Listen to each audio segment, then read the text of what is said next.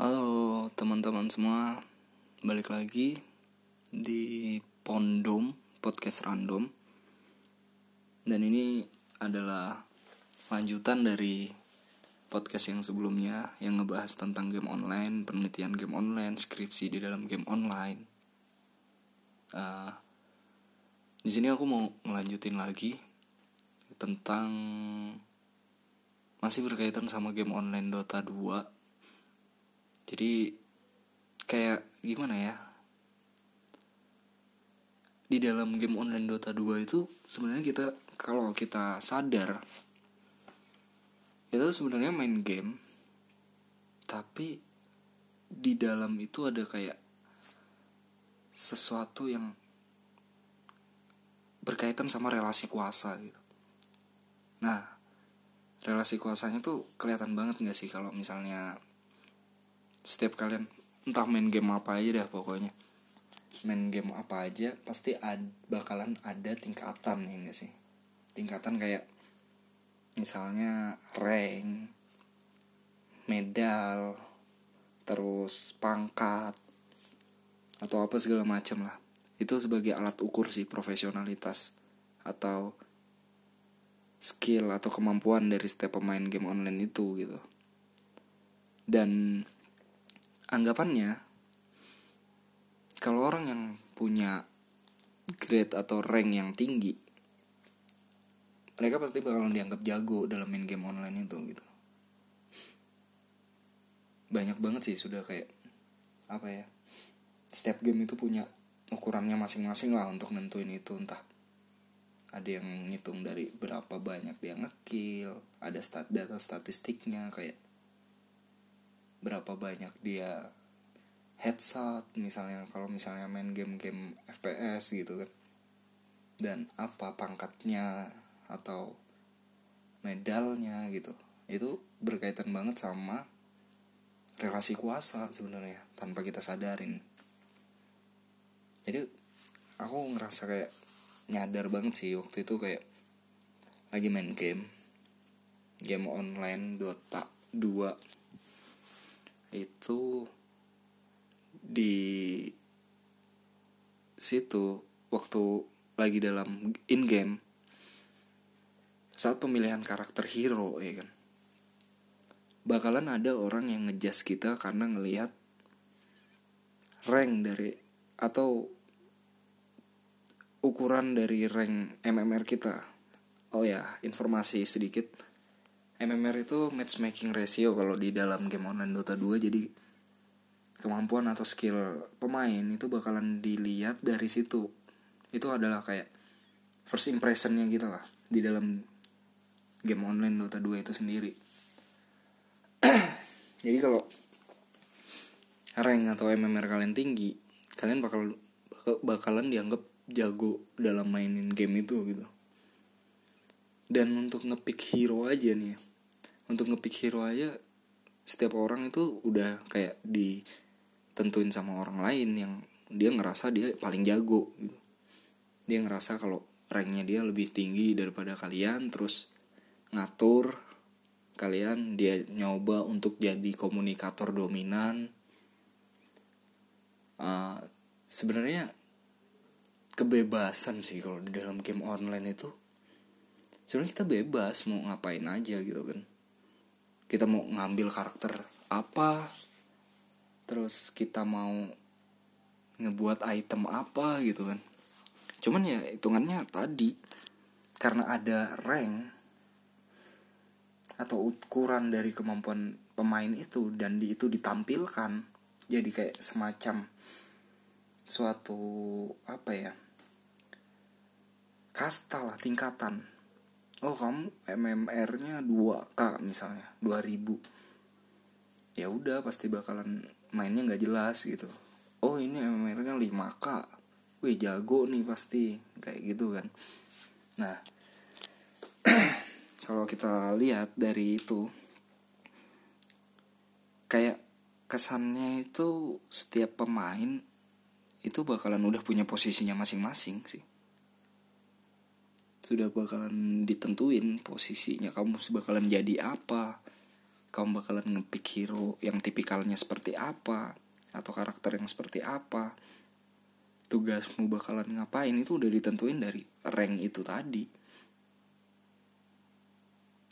Uh, yang aku bicarain di sini untuk komunitas game online yang kita nggak main bareng sama temen kita yang udah kenal gitu kalau kita udah kenal mungkin kita udah bisa diskusi dulu ya aku mau nyobain hero atau mau nyobain di posisi ini atau mau mau eksperimen jadi ini mau ya mau mau nyobain hal baru atau gimana. Dan oh, teman-teman kita pasti kalau kita udah ngomong di awal bakalan setuju aja gitu karena dia udah kenal sama kita karena apa ya kita udah tatap muka sama dia. Bedanya di komunitas virtual yang kita udah masuk di dalam game online itu. Oh ya komunitas virtual itu pengertiannya kalau menurut Usong sih ya menurut Usong itu adalah sekumpulan orang yang ada di dalam internet dan mereka melakukan berbagai macam kegiatan kayak aktivitas sosial entah komunikasi apa segala macam itu tempatnya itu adalah komunitas virtual. Jadi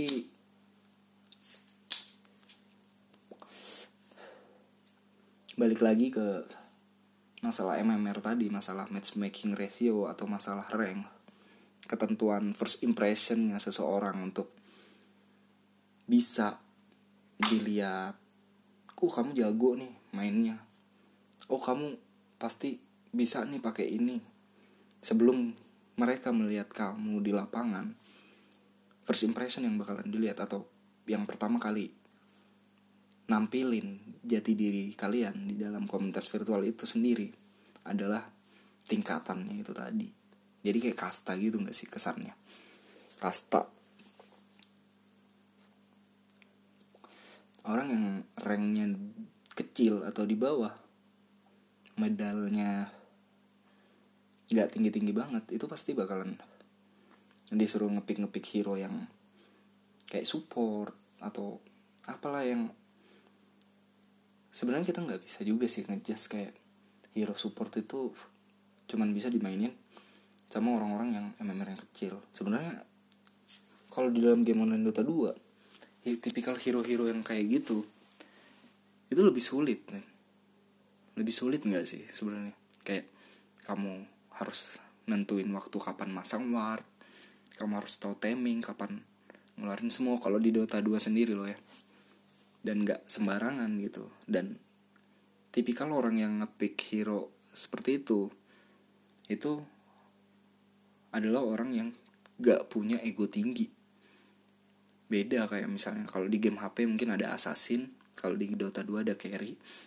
Kalau orang yang ngepick hero carry atau assassin dia tentu bakalan uh, apa ya dia bakalan berlindung di balik dari hero support itu sendiri jadi kayak dijagain lah waktu farming dikasih gold ini apa segala macam supaya itemnya jadi. Dan egonya pasti lebih tinggi untuk ngebunuh. Ngebunuh lawan maksudnya. Dan kebanyakan di dalam komunitas virtual game online Dota 2 setiap orang atau setiap pemain yang ngambil hero carry misalnya dia gagal yang ujung-ujungnya disalahin itu pasti supportnya. Dan itu nggak ngerti kenapa yang ada memang kayak gitu biasanya. Itu yang ego banget sih sebenarnya. Ya mungkin masih banyak lagi orang yang yang udah paham lah sebenarnya kesalahannya dia di mana bisa introspeksi diri kayak dia tahu waktunya nggak tepat tapi dia maksakan untuk maju. Itu kan yang jelas ya bukan kesalahan orang lain. Tapi kesalahannya dia karena terlalu memaksakan dan tidak sesuai dengan perhitungan gitu. Nah untuk di dalam game online Dota 2 itu sendiri kadang kita ngelihat juga nggak sih? Kayak dalam picking hero selain dalam picking hero maksudnya kayak dalam pembelian item gitu. Orang-orang yang MMR-nya kecil atau di bawah itu ngerasa kayak mereka mainnya diatur nggak ada kebebasan banget kesannya jadi kayak semacam uh, apa ya mereka nggak ada kebebasan lah pokoknya. Sebenarnya esensi dari main game itu untuk have fun atau mengejar MMR di situ yang dipertanyain sih sebenarnya. Kalau menurut aku sendiri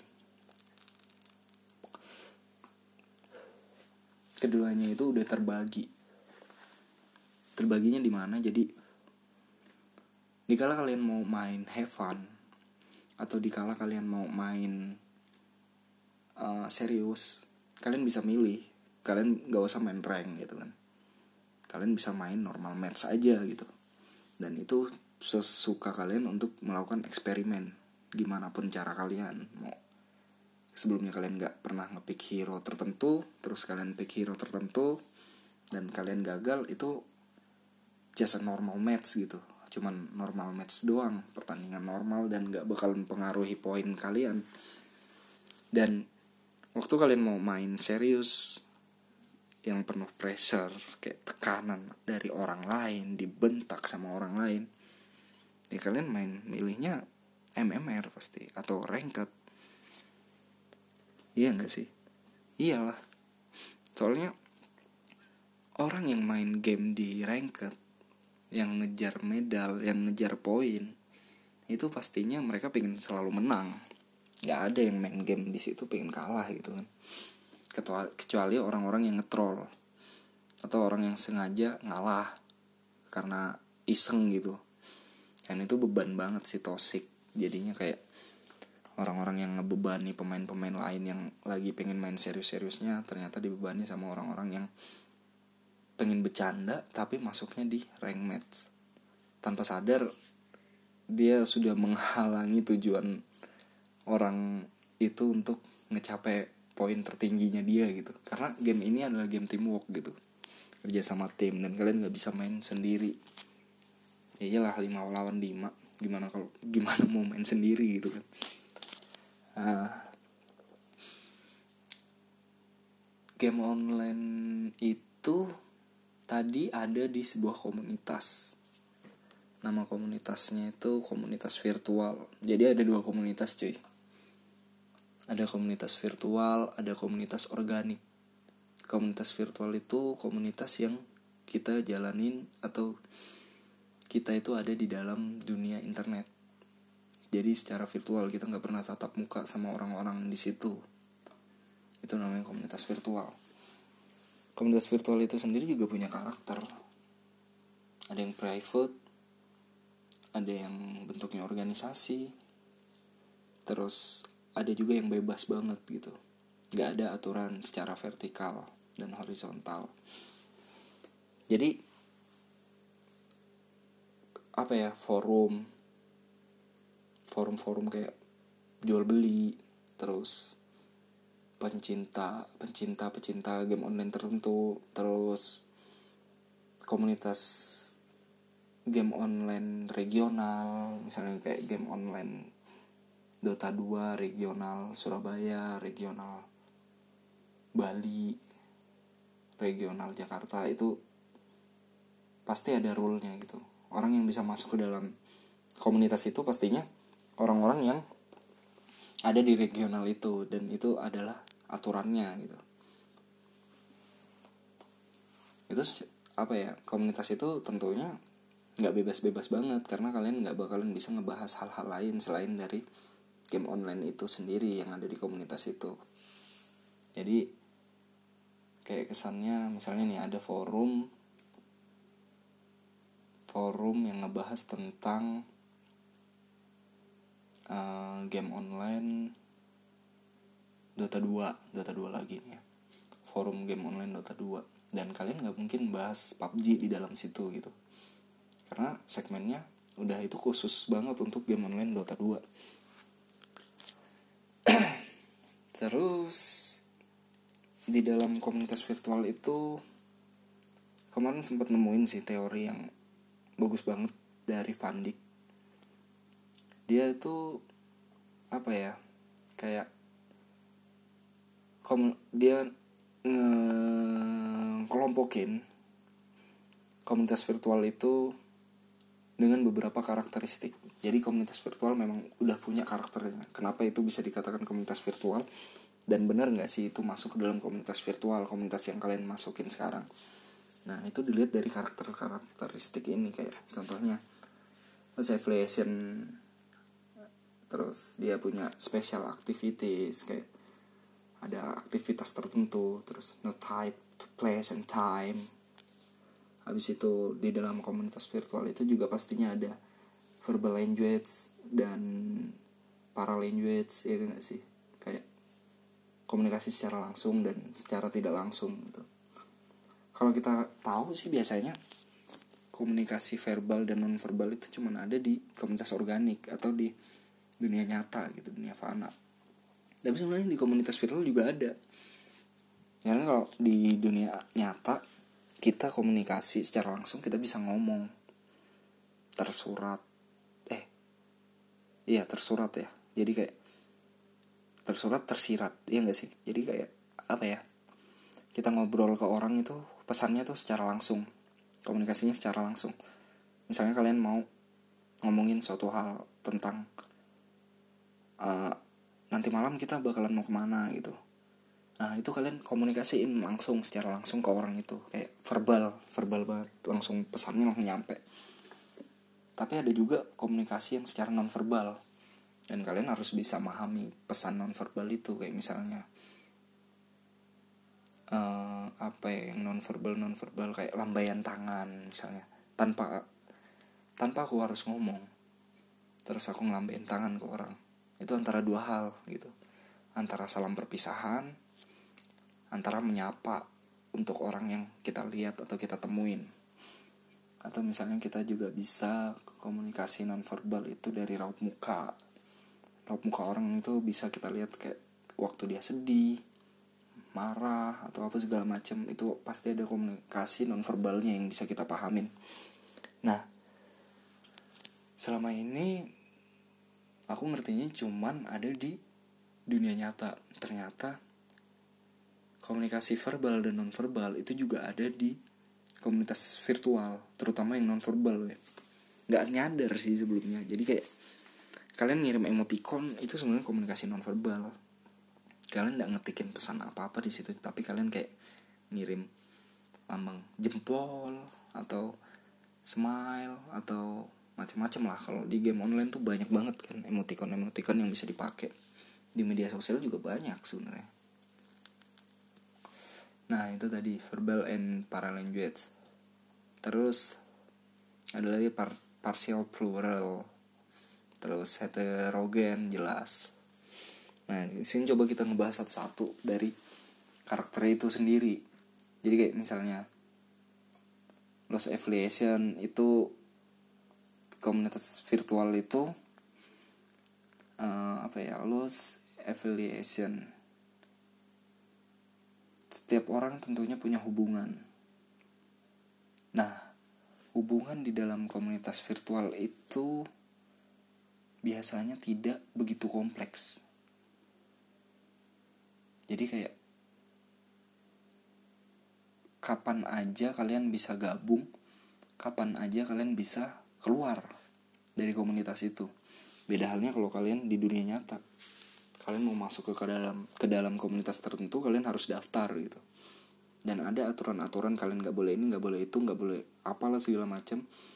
Terus kalau kalian keluar dengan tiba-tiba konsekuensinya apa yang bakalan diterima tapi kalau di dalam komunitas virtual itu rata-rata itu bebas. Nggak kompleks. Nggak serumit yang ada di dunia nyata gitu kalian seneng nih main game online Dota 2 kalian bikin akun terus kalian login masuk ke dalam akun yang udah kalian buat itu. Terus udah masuk kalian ngerasa nggak cocok ternyata. Awalnya memang seneng gitu kan karena mungkin ngeliat orang main. Dan selanjutnya kalian nggak cocok gitu main game online itu sendiri. Dan kalian bisa keluar dari situ kapan aja gitu. Jadi kayak nggak ada ikatan banget kalian bisa add friend siapa aja dan kalian bisa unfriend siapa aja di situ. Dan ya bener sih kayak nggak kompleks banget sih simple kayak sesuka hati kalian lah. Kalau di dalam komunitas virtual itu mau kayak gimana. Terus tentunya ada special activity yaitu tadi yang udah dijelasin tentang komunitas virtual pasti punya aktivitasnya masing-masing. Entah itu berdiskusi membahas suatu hal entah itu bermain game online apa segala macam dan itu beda-beda pastinya setiap komunitas itu. Ada yang menentukan itu sendiri dari kategori dari eh kategori dari komunitas itu sendiri tentunya. Dan yang paling menariknya yang sebelumnya pasti nggak pernah bakalan kebayang sama orang-orang zaman dulu itu adalah no tied to place and time. Jadi kayak kalian tuh udah nggak ada sekat banget. Kalau mungkin zaman SMA dulu pernah belajar tentang globalisasi kan. Kayak misalnya dunia ini udah nggak nggak bersekat lagi. Kita bisa ke mana aja tanpa kita pergi ada di situ gitu. Kita mau ke sini mau ke sini mau ke sini. Kita pengen tahu tentang negara ini apa segala macam. Kita bisa lihat di situ gitu di dalam internet itu sendiri. Jadi kayak nggak ke keikat waktu dan tempat. Nah setiap orang yang main game online pastinya. Misalnya di sini di Indonesia sendiri itu lagi siang. Terus di Amerika atau di mana gitu di luar negeri yang di luar dari Indonesia itu malam gitu. Tapi kalian pengen online pengen ketemu bareng. Pengen ketemu bareng dalam komunitas virtual ya. Kalian tinggal nentuin aja online kapan gitu dan di situ nggak bakalan terikat meskipun di sana malam di sini siang. Kalian tetap bakalan ketemu di komunitas virtual itu sendiri. Di dalam dunia virtual di dalam komunitas virtual maksudnya itu kesannya jadi kayak setiap orang tuh bisa ketemu kapan aja gitu. Sesuka hati mereka kayak mereka tinggal chat. Uh, misalnya ayo abis ini kita main game bareng. Main party. Chat kalian nerima chat itu dan kalian tinggal online masuk. Kalian bahkan ketemu dalam bentuk visualisasi karakter yang ada di komunitas virtual. Bukan tubuh kalian yang ketemu tatap muka. Nah itulah komunitas virtual itu. Menarik banget sih sebenarnya. Terus verbal and paralanguage tadi udah kayak gimana orang berkomunikasi di dalam komunitas itu sendiri terus partiar plural. Partiar plural ini menarik sih fenomenanya kayak gini nih gini gini. Apa? Setiap orang tentunya punya teman pasti kan di dunia nyata. Dan kita bakalan ngerasa cocok untuk berteman sama orang-orang yang sepantaran dengan kita, yang satu pemikiran sama kita, yang usianya sama. Kayak kalian pasti sering hangoutnya sama teman-teman yang uh, usia sepantaran kalian, teman yang ada di lingkungan kalian gitu kan.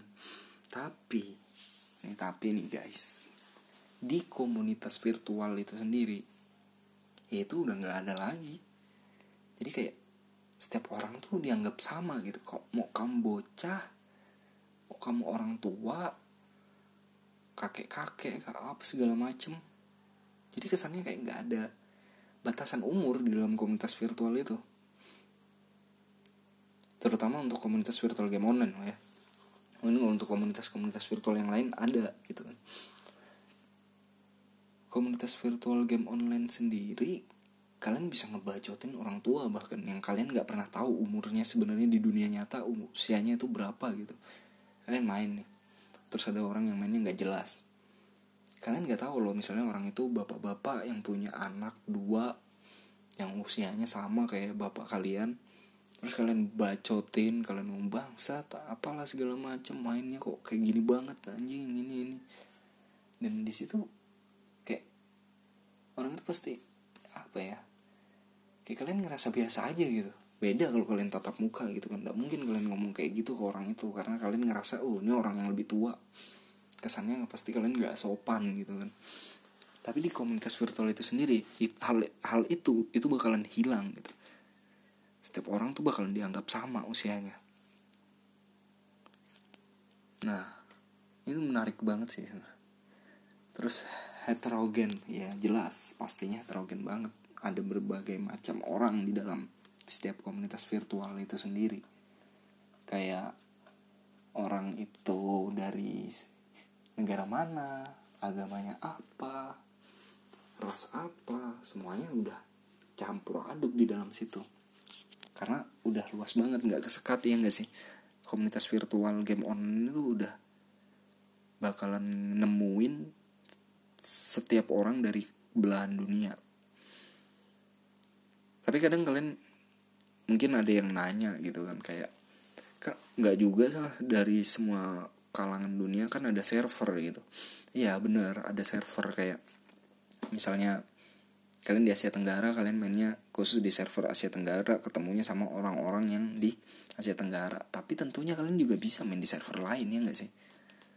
Dan tergantung kalian mau mainnya di mana gitu. Dan itu juga bakalan nemuin kalian dengan orang-orang di luar sana gitu. Dan pembagian komunitas virtual ini secara umum sih sebenarnya ada dua guys. Aku kemarin sempet baca bukunya oh, siapa ya? Oh ya nih ada nih masih bukunya. Buku etnografi virtual riset komunikasi budaya dan sosioteknologi di internet. Ini ditulis sama dokter Ruli Nasrullah MSI di sini aku belajar banyak banget dari buku ini. Makasih banget sebelumnya buat orang yang udah nulis buku ini buat Bapak Ruli Nasrullah. Di sini aku paham gitu. Kalau komunitas virtual tuh nggak bisa dihantam rata semuanya dan setiap komunitas virtual itu ada perbedaannya. Contohnya aja dia ngejelasin di sini ada game uh, game in scarf dan Gesel scarf. Ini sebenarnya nggak cuma ada di komunitas virtual sebelumnya tapi ini di sini dikaitin sama komunitas virtual gitu. Jadi kalau yang gaming scarf itu itu komunitas yang uh, komunikasinya terjadi secara vertikal dan horizontal jadi kayak ada ikatan. Setiap orang yang masuk dalam komunitas virtual itu dia bakalan ada ikatannya. Ya itu tadi kayak misalnya harus daftar apa segala macam nggak bebas-bebas banget. Jadi komunikasinya ditentukan. Dan yang Gesell Scarf itu komunitas yang tidak berjangka panjang. Kayak misalnya sesuka kalian tadi. Kayak kalian mau masuk kapan kalian mau keluar kapan dari komunitas itu ya sesuka hati kalian gitu. Dan itu aku kemarin kaitin sama game online Dota 2 sebenarnya game online Dota 2 ini masuk ke dalam komunitas Castle Scarf atau komunitas Gaming Scarf. Nah ternyata komunitas virtual game online Dota 2 itu sendiri masuk ke dalam Geyser Scarf karena kalian bisa ngebahas apa aja di dalam situ ketemu sama teman kalian hanya cuman sekedar ngobrol nggak ngebahas tentang game juga bisa di dalam situ gitu. Dan kalian nggak cocok dengan permain itu kalian bisa keluar dan nggak mainin lagi. Terus misalnya kalian ngerasa nyaman kalian bisa terus terusan main kayak gitu ya kan? Jadi ada kebebasan sih dari setiap orang yang mainin game online itu sendiri. Karena komunitasnya itu bentuknya geser scarf itu tadi. Nggak ada ikatan sama sekali.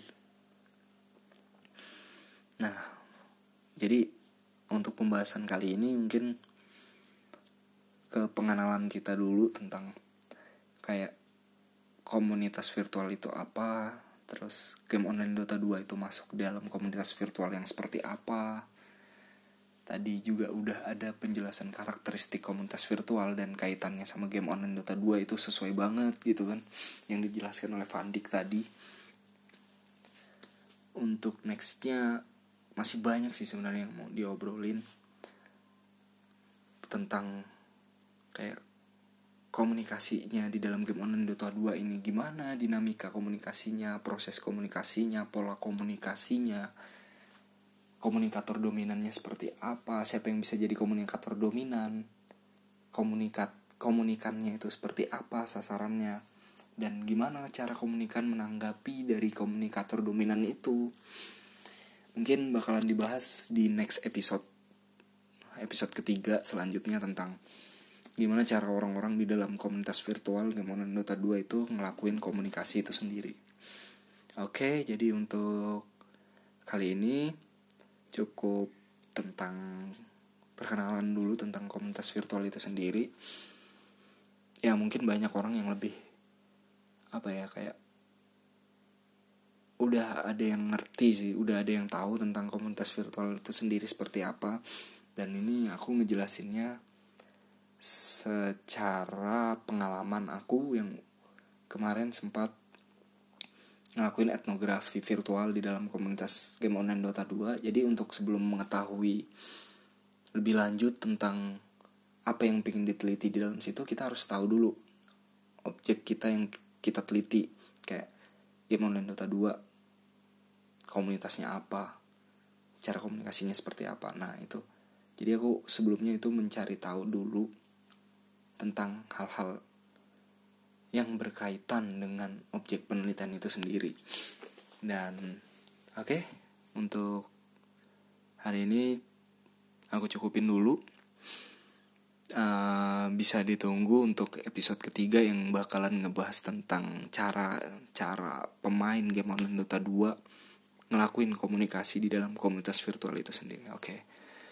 Terima kasih udah dengerin Pondom podcast random Assalamualaikum